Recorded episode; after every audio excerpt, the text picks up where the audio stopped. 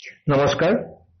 আজিৰ আমাৰ পডকাষ্টৰ আলহী অনিন্দিতা কলিতা তেখেত চলচ্চিত্ৰ নিৰ্মাতা। নমস্কাৰ।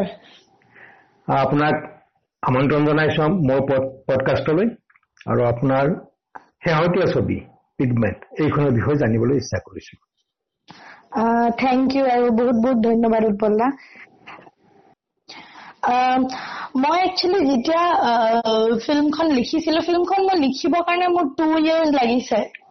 মই মই এনেকে নকওঁ যে মই two years continuously I was writing the script কেতিয়াবা মোৰ এনেকুৱা হয় যে দুমাহ মই লিখা নাই তিনিমাহ লিখা নাই দেন হঠাৎ মোৰ সেই পইণ্টটো কেনেকে কৰিম কেনেকে কৰিম কেনেকে জাষ্টিফাই কৰিম একচুৱেলি কি হব?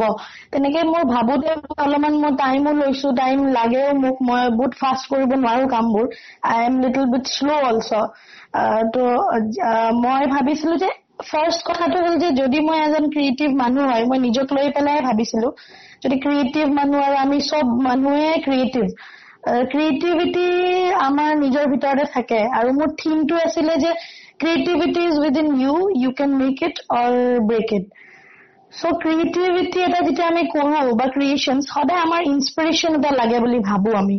বা কিবা এটা something clicks on us that okay we should do this বা এইটো কৰিলে মোৰ ছেটিছফেকশ্যন আহিব। এইটো বেলেগ বস্তুৰ লগত কেতিয়াও মানে আমি চাগে মেজাৰ কৰিব নোৱাৰো। আৰু সেইটো যোনবোৰ ক্ৰিয়েটিভ মানুহ হয় I think so' you are also' with due respect উৎপল্লা চব মানুহৰ ভিতৰত এটা ক্ৰিয়েটিভিটি থাকে। চ' ক্ৰিয়েটিভিটিটো কৰিবৰ কাৰণে আমি ইনস্পিৰেশ্যন লাগে বুলি ভাবো কিন্তু এনেকুৱাও নহয় যে সেই ইনস্পিৰেশ্যনটো কোনোবা এটা বেলেগ এটা ছাবজেক্ট বা কিবা এটাৰ লগত আমি যদি জইন কৰি দিওঁ তেতিয়াহে ইনস্পিৰেশ্যন কলাবৰেট হয় এইখিনি অকণমান আমাৰ ছবিখন কেনেকে কৰিছে তাৰ লগত মিলাই কওকচোন। এজন একচুৱেলি মই অলপ ছবিখনৰ বিষয়ে কৈ দিওঁ। যে এটা এজন আৰ্টিষ্ট যাৰ এজ হ'ল আপোনাৰ ফিফটি প্লাছ তো তেওঁ তেওঁ এজন ৰিয়েল আৰ্টিষ্ট পেইণ্টাৰ আৰু এজনী থাৰ্টি ফাইভ প্লাছ ফিমেল এগৰাকী ছিংগল ফিমেল তেওঁ এজন ৰাইটাৰ হয়। তো তেওঁলোক দুজনে এটা ক্ৰিয়েটিভ ফিল্ড এটাত এক্সিবিশ্যন এটাত লগ পায়।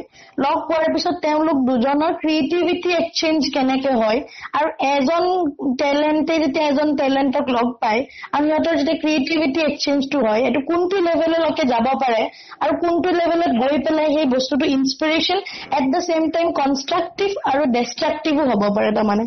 তো সেই ডেষ্ট্ৰাকশ্যনবোৰ কোনটো লেভেললৈকে হ'ব?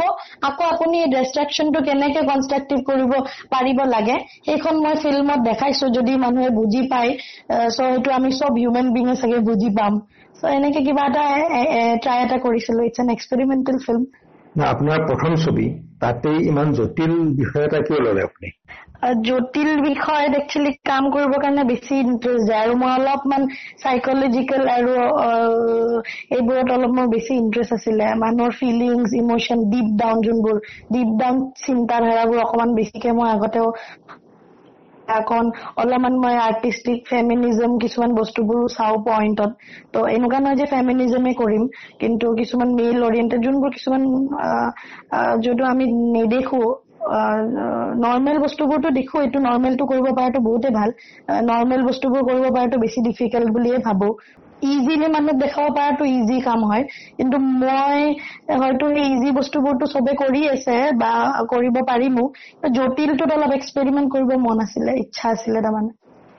আৰু নিজে নিজেও মই উৎপল্লা মই নিজেও কিছুমান বস্তু ফেচ কৰো। এইটো মই এজ এ ডিৰেক্টৰ হয়তো চব ৰাইটাৰে নিজৰ অভিজ্ঞতাৰ পৰাও বহুত কয়। মই এইটো একো অনেষ্টলি কম যে definitely I have also' experience many thing from my experience I have given this film to the audience কি ধৰণৰ related to creativity, related to emotions, related to constructive work and inspirations, everything আৰু যোনটো আমি যোনটো আমি environment এটাত যোনটো চলি থাকে সেই এনভাইৰমেণ্টটো আমি কি ধৰণৰ কেনেকে মানে চাইকলজিকেলি ব্ৰেইনৰ তেনেকে ধৰণৰ কিছুমান ভাবিছিলো ধৰক আপুনি বিভিন্ন ঠাইত কাম কৰিছে বেলেগ বেলেগ পৰিৱেশত বেলেগ বেলেগ মানুহৰ লগত বেলেগ বেলেগ ঠাইত হয় সেই অভিজ্ঞতাবিলাকে আপোনাক বহুত কথা শিকাইছে গতিকে এই ছবিখন যেতিয়া কৰিছিলে তেতিয়া আপোনাৰ সিমান অভিজ্ঞতা হোৱা নাছিলে। তাৰ পিছত অভিজ্ঞতাখিনি হৈছে। সেই অভিজ্ঞতাৰ পিছত যেতিয়া আপুনি নিজে আপোনাৰ এই ছবিখন চাই তেতিয়া আপোনাৰ কেনে লাগে? এতিয়াতো লাগে যে মই এখন বহুত বেয়া চিনেমাই কৰিছিলো। বহুত বেয়া মানে এতিয়া হলেতো মই এই বস্তুটো ইয়াতে মইতো চব জেগাতে ভুল দেখো। আৰু ভুল দেখিলে চাগে মই মোক কোনোবা এজন ডাঙৰ মানুহে কৈছিলে আৰু মই নিজেও ভাবো যদি মই ভুল দেখো তেতিয়াহলে ভাল চাগে মই আৰু ভাল কাম কৰিব পাৰিম। কিন্তু ভুল নেদেখিলে মোৰ সেইটো লাষ্ট কাম হব বুলি মই ভাবো। মই যদি যিমানে ভুল দেখো সিমানে মই আৰু ভাল ভাল কাম কৰি যাব পাৰিম। আৰু যোনদিনাখনে মই ভুল দেখা বন্ধ হৈ যাব তো সেইদিনাখনৰ পৰাই মই চাগে আৰু ক্ৰিয়েট কৰিব নোৱাৰিম। মোৰ সেইটোৱে ফাইনেল প্ৰডাক্ট হ'ব বুলি ভাবিম। Something different I cannot create that will be my last if I am satisfied today with that এইখন ছবিৰ অভিনেতা অভিনেত্ৰী কেনেকে নিৰ্বাচন কৰিছিল?